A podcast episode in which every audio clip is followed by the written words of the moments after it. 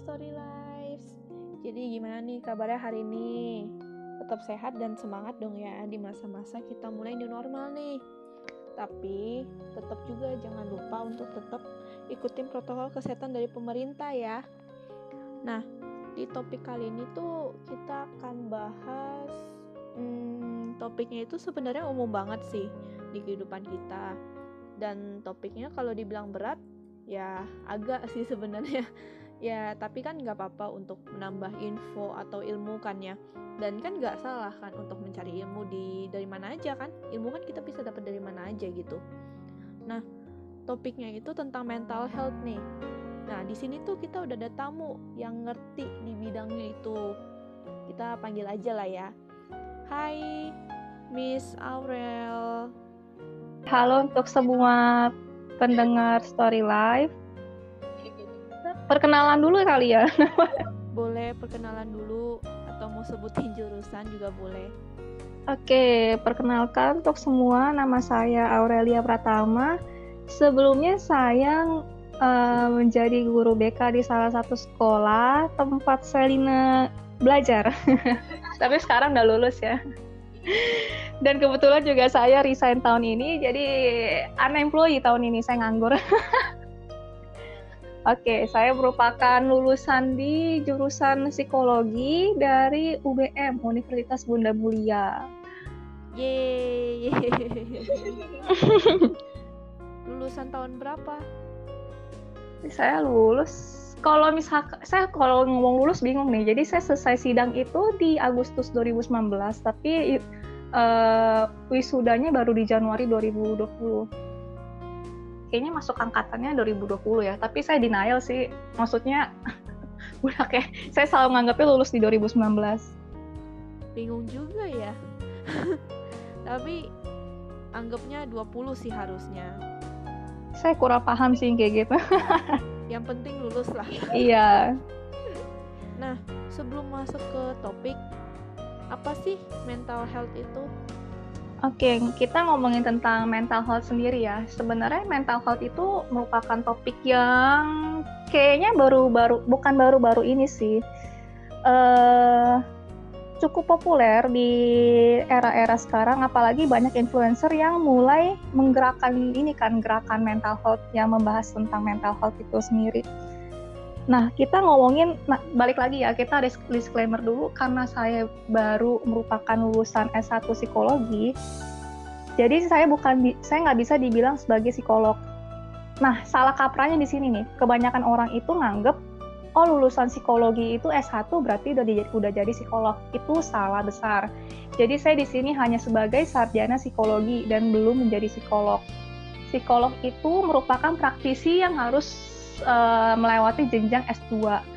Jadi balik lagi ya, uh, saya sama sekali bukan psikolog, baru menjadi sarjana psikologi. Jadi ilmu saya itu istilahnya masih cetek-cetek gitulah. Masih cetek. Iya beneran.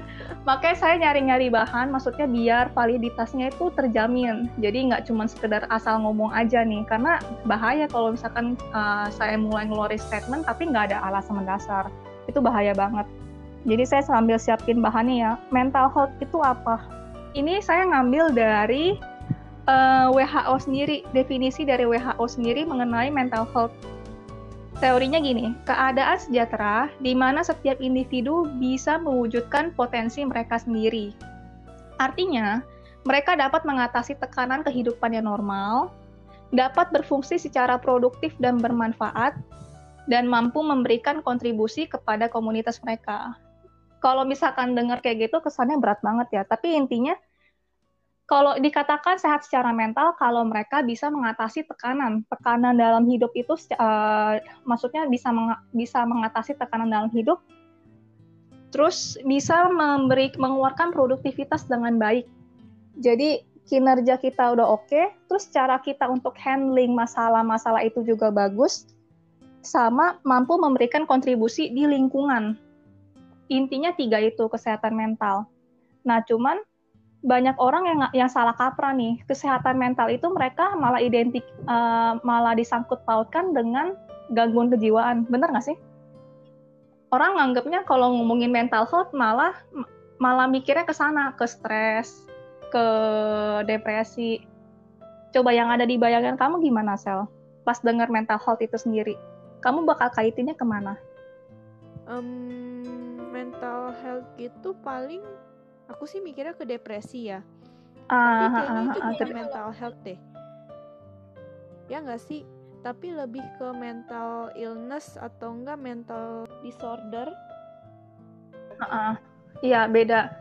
Kalau misalkan ngomongin mental health kan kesehatan nih, berarti ada yang ada lawannya dong, tidak sehat kan? Jadi tidak sehatnya itu kita bagi jadi dua kategori. Yang pertama mental illness, yang satu lagi itu mental disorder. Jadi ada dua Oh, itu beda ya? beda Beda di levelnya gitu ya? beda di sebenarnya bukan beda di level sih, lebih ke pengertiannya beda. Oh, Nanti nanti bakal saya jelasin lebih lanjut deh yang ini. Uh, kita masih bahas yang mental health dulu kan ya. nah penasaran kan kalian apa bedanya mental illness sama mental disorder?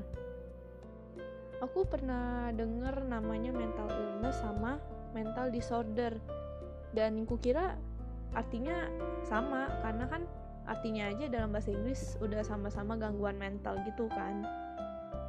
Ternyata beda. Mm-mm, iya, padahal artinya beda. Betul betul. Aku tiba-tiba ke tadi kepikiran soal jurusan psikolog.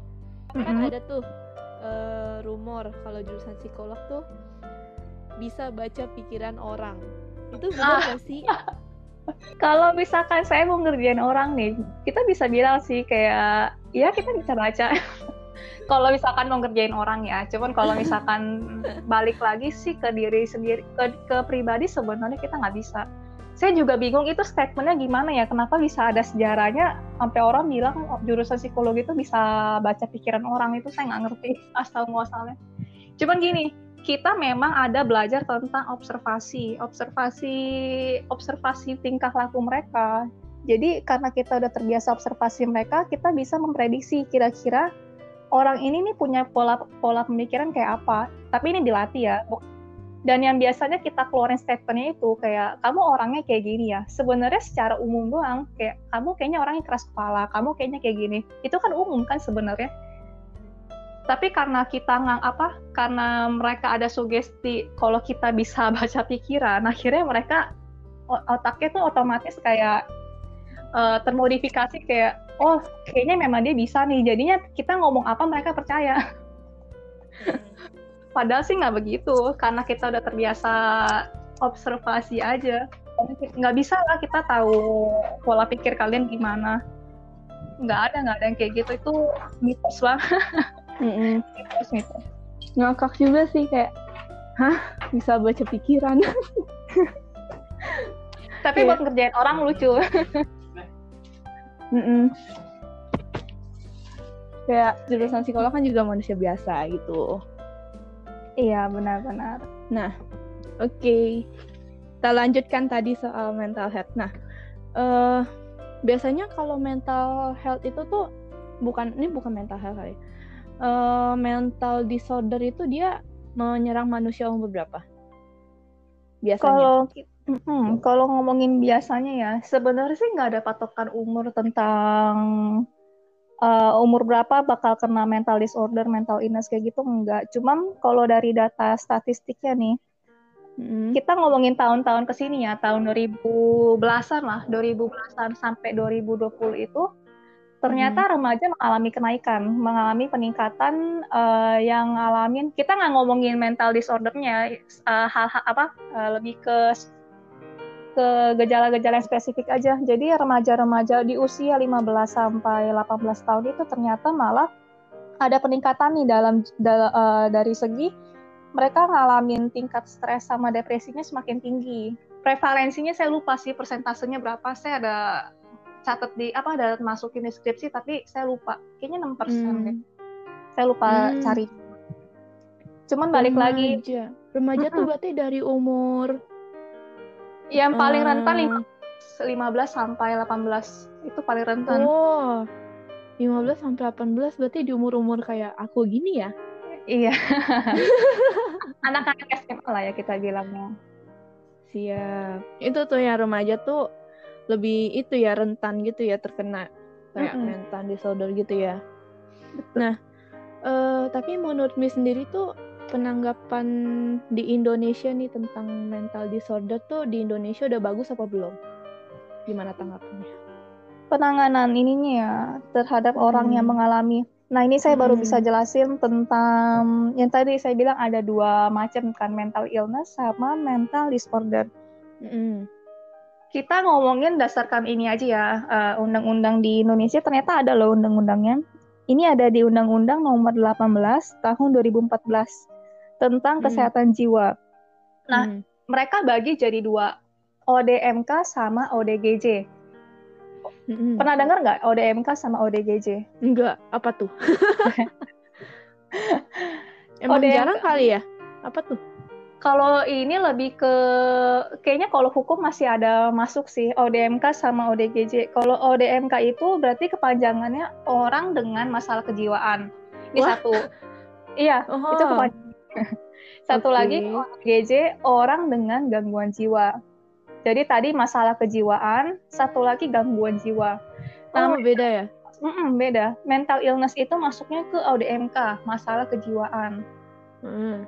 Kalau ODGJ itu masuknya ke mental disorder.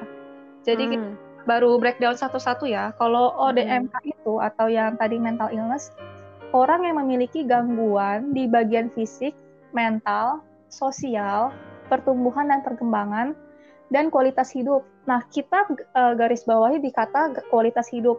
Jadi contoh-contoh yang ODMK atau mental illness itu lebih ke depresi, kecemasan, Mm. gangguan mood, Mm.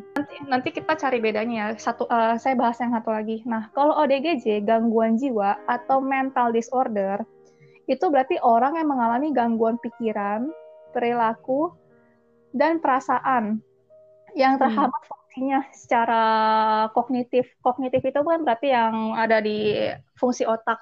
Contohnya Hmm. itu skizofrenia atau yang orang-orang Mm. tahu dengan sebutan orang gila. Tanda kutip orang gila ya Mm-mm. dari sini kelihatan nggak bedanya ya? Kalau misalkan yang kesehatan apa yang gangguan yang mental illness tadi contohnya depresi, stres dan lain-lain, Mm. tapi yang satu lagi itu ski- apa yang satu lagi itu langsung skizofrenia. Kalau Mm. dari Elina sendiri kebayang nggak bedanya? beda banget nyata ya. Mm-mm. Kayak eh, aku tahu skizofrenia kan itu yang nggak bisa bedain nyata sama enggak ya. Kayak Iya. cara di pikirannya itu. Itu Mhm. aku kadang kayak lihat di di mana gitu kan di YouTube atau di Instagram Mm-mm. kayak ada orang suka bikin audio skizofrenia dan itu eh nyata kayak eh se seberbahaya itu se ya pasti mengganggu banget lah buat buat orang yang menderita itu kan ya tapi depresi gitu-gitu juga ya mengganggu juga sih tapi kelihatan banget ya bedanya ya Iya. itu sama loh nyata selama ini beda Kalau misalkan di Indonesia sih baginya jadi dua kayak gitu. Jadi nanti penanganan dalam hukumnya tuh bakal berbeda juga. Ini nggak usah bahas hukum sih. Cuma maksud saya beda banget. Kalau yang skizofrenia itu kan berarti memang dari awal udah kelainan fungsi otak nih. Jadi gangguan jiwa atau mental disorder itu memang ada kelainan otaknya. Tapi kalau dari misalkan mental- awal bukan dari awal sih, tapi dia bisa seperti itu karena memang ada kerusakan. Kayak orang skizofrenia kan dia belum tentu dari lahir, tapi ada sesuatu yang bikin dia ke-trigger sampai di satu titik akhirnya eh, jadi ngalamin skizofrenia. Bukan Hmm. berarti orang skizofrenia langsung halusinasi dari lahir, enggak. Ada fase tertentu yang membuat mereka tuh berubah dan ngalamin Oh. halusinasi. Tapi kalau misalkan mental eh, mental illness yang tadi itu intinya kayak mental illness itu yang tanda kutip bisa disembuhkan. Kayak tadi depresi, kecemasan dan lain-lain tuh masih bisa disembuhkan. Hmm. Tapi kalau skizofrenia kayak gitu-gitu tuh agak saya nggak bilang nggak bisa bilang mustahil juga sih, tapi nyaris lebih susah nyaris- kah Iya, kayak Oh. nyaris nyaris sulit untuk sembuh. itu mereka harus minum obat seumur hidup ya benar nggak Yang skizo iya Kalau skizo sih, setahu saya memang iya penanganannya karena udah nggak bisa pakai psikoterapi lagi. oh wah Emang kalau psikoterapi itu tuh dia berlaku buat yang kayak ketakut apa kecemasan gitu-gitu ya? Mm-mm, psikoterapi. Mm-mm. Kalau yang pener yang terapi terapi kayak gitu memang masih gini. Kalau misalkan psikoterapi itu dipakai kalau misalkan orang itu masih bisa kita ajak kayak kayak kita ajak ngobrol loh. Jadi kayak kalau ngobrol pun nyambung dan mereka tuh masih bisa ngerespon uh, omongan kita. Hmm. Tapi kalau skizofrenia kan skizofrenia kan tanda artinya putus realita nih. Jadi kecenderungan untuk ngerespon kita malah minim. Jadinya mereka ketika kalau misalkan nih kamu ngobrol ngobrol sama orang skizo, kemungkinan besar tuh nggak nyambung. Mereka akan mm-hmm. jawabnya itu sesuai dengan pertanyaan. Tapi kalau misalkan kita ngobrol sama orang yang ngalamin mental illness, mereka masih bisa merespon, masih mm-hmm. ada timbang. Oh, gitu. Iya sih. Iya ya. Wah beda guys ternyata. Siapa nih yang baru tahu nih angkat tangan guys? aku termasuk orang yang baru tahu sih. Aku kira mental illness sama mental disorder tuh sama. Karena dari artinya kan kayak sama gitu kan. Uh, menghubungkan ke gangguan jiwa juga. Ternyata beda beda kasus lagi itu. Beda beda. Tapi Wah. intinya gini sih, kalau yang mental illness itu ada di bagian mental disorder. Hmm. Bagiannya, tapi bukan berarti orang yang mental illness pasti kena mental disorder, enggak, enggak gitu. Hmm. Kebayang ya? Hmm. Tapi kalau mental disorder itu dia ada bagian dari mental illness. Iya, bisa memicu mental illnessnya. Contohnya tadi skizofrenia, dia awal-awal pas bukan pasti sih awal-awal kemungkinan besar karena ngalamin stres berat, arti akhirnya mulai muncul halusinasi. Itu mungkin. Hmm tapi bukan berarti kita stres berat langsung ngalamin halusinasi, beda ya. Hmm. Hmm. Wah. Wah. Mendapat info yang sangat bagus kita hari ini, guys. Nah, uh, aku tadi kan aku nanya tuh soal obat ya. Mm -mm. Terus aku jadi kepikiran, uh, apakah orang yang ada masalah sama mentalnya itu harus selalu pakai obat? Jadi kayak depresi gitu-gitu tuh harus pakai obat kalau menurut saya pribadi sih untuk yang mental illness sih sebenarnya tidak harus tidak harus tapi hmm. kalau untuk yang ODGJ tadi ya mental disorder kemungkinan besar iya karena mereka udah nggak bisa dipakai psikoterapi lagi hmm. jadi untuk orang yang kena penyakit yang ah untuk yang gangguan yang mental disorder itu memang uh, ada konsumsi obat seumur hidup hmm. tapi tapi untuk yang depresi sih biasanya uh, tergantung ya. Kalau misalkan mereka memang kesulitan untuk tidur, terus ngerasa struggling untuk tidur dan benar-benar kayak aduh pengen banget tidur, akhirnya mereka malah minum konsumsi obat tidur atau antidepresan. Hmm. Itu sebenarnya tuh kalau kayak gitu? Semua obat uh, kita bilangnya sih obat psikotik ya. Saya lupa nama ininya apa ya. Obat apa ya pokoknya obat-obat yang untuk meredakan psiko, uh, simptom simptom psikotik itu ada efek sampingnya. Hmm, contohnya? Jadi contohnya kalau untuk yang obat-obatan yang saya tahu ya, yang saya tahu itu biasanya tremor. Terus untuk yang uh, tremor tuh berarti yang tangannya geter-geter. Terus kalau misalkan oh. antidepresan begitu lepas, akhirnya menyebabkan ketergantungan. Hmm. Oh. Tapi kok kalau misalkan skizofrenia itu dulu, kalau dulu ya, saya nggak tahu obat zaman sekarang. Cuman waktu kamu coba deh nonton film ini uh, Beautiful Mind itu tentang Jonas uh, kisah asli sih. Dia matematikawan yang dapat Nobel Nobel Prize. Itu kisah nyata. Dia karena skizofrenianya maksudnya di zaman-zaman dulu, sekarang sih udah meninggal gara-gara kecelakaan kalau nggak salah sama istrinya. Hmm kalau dulu obat-obatan dulu itu keras yang obat skizofrenia. Jadi dia kalau nggak salah mandul ya.